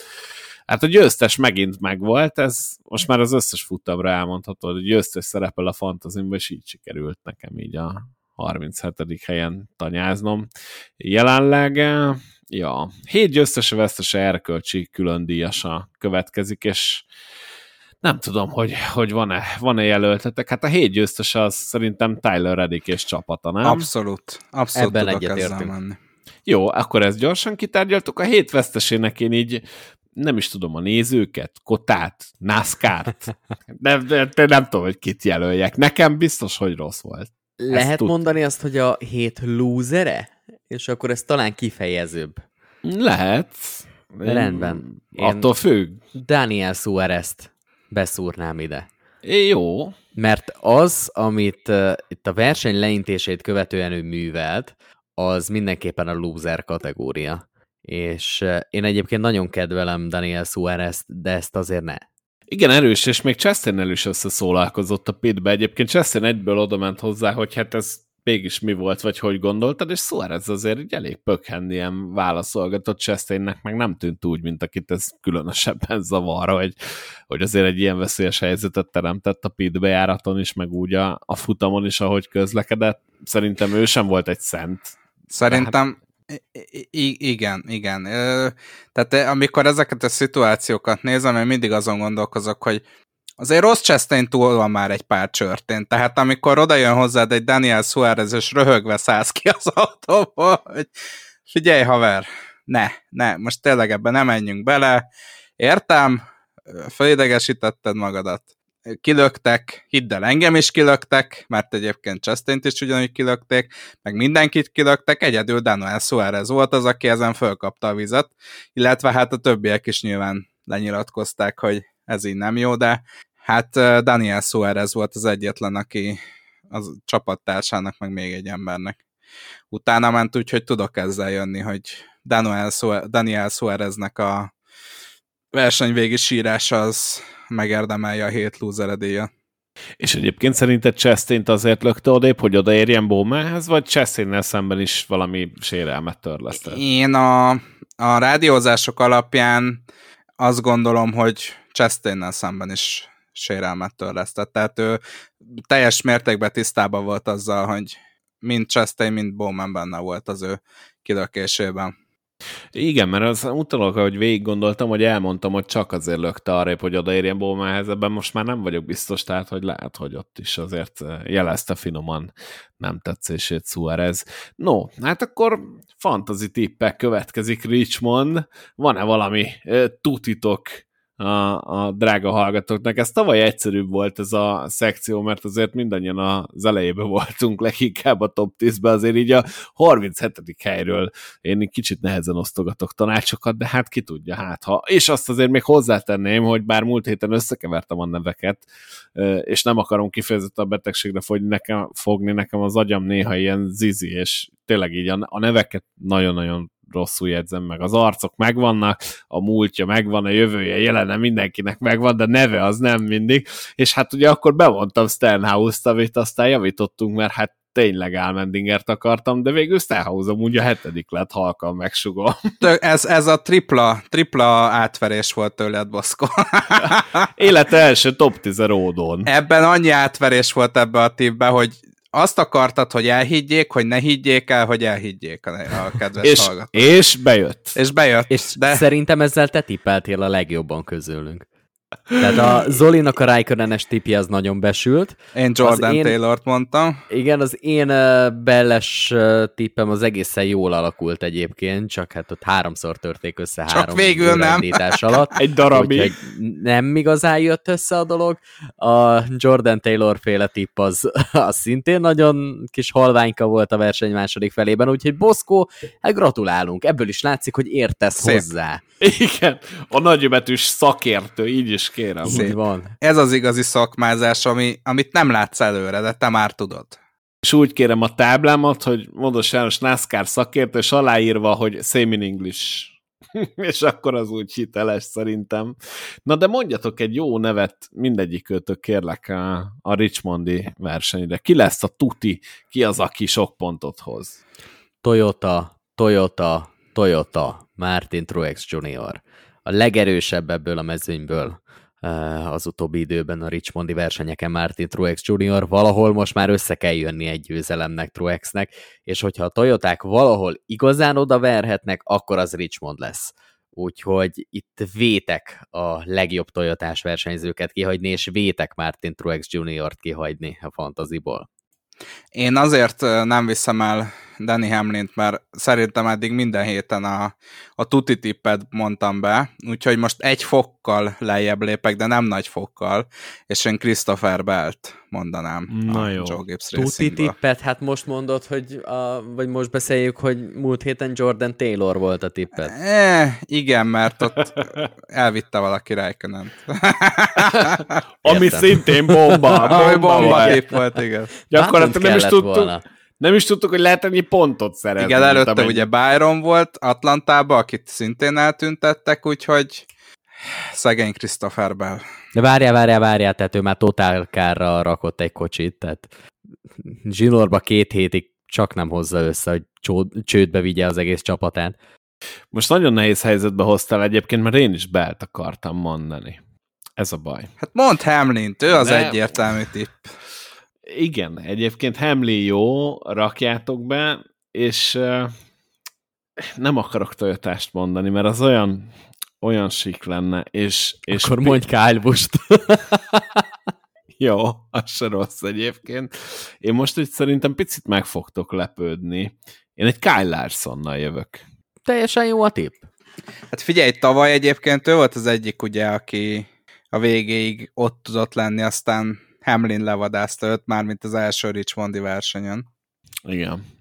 Szerintem Larson. Larsonban most érzek egy olyan pluszt, egy olyan erőt, hogy most itt meg fogja mutatni, és nem csak, hogy nagyon jó lesz, de meg is fogja nyerni azt a Richmondi Cup Series futamot, ami, figyelitek, hogy húzom az időt, mert közben nyitom meg, mert föl van írva, hogy mikor van, szóval azt a Richmondi Cup Series futamot, ami vasárnap 21 óra 30 perckor lesz megtekinthető, ha jól tudom, a meccs négyen? Kérdőjel? Igen, igen, a meccs négyen lesz. És van egy olyan érdekességünk, hogy a Track Series is versenyez ezen a hétvégén, de nem ugyanott, ahol a szintén versenyző Xfinity és Cup Series, hiszen a Track az a Texas Motor Speedway-re látogat, és most visszafelé mondom az időpontokat, tehát a Cup az 21.30 meccs 4 vasárnap, a Track pedig 22 óra 30 perckor lesz, de szombaton, és Texas Motor Speedway-ről ö, jelentkezik be majd a meccs 4.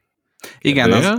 Elméletileg az összes, meccs, összes verseny meccs négyen lesz. És hogy előtte ugye Richmond Raceway-en rendezik az Xfinity legújabb fordulóját, az pedig 19 órakor lesz látható, akkor az szintén a meccs 4-en. Igen, ők kezdenek, majd, majd szombaton ők, ők vezetik fel a, a Track Series versenyét, Azt te szépen mondtad. hát ugye minket fölvezetnek Nyilván. Zsombi meg Barna. Gyakorlatilag ugye azért van Texasban a Track Series, mert most a Modified, NASCAR Modified széria megy Richmondba, az Xfinity és a Cup mellett, és majd a második Richmondi versenyen lesz ott a Track Series betét futamként.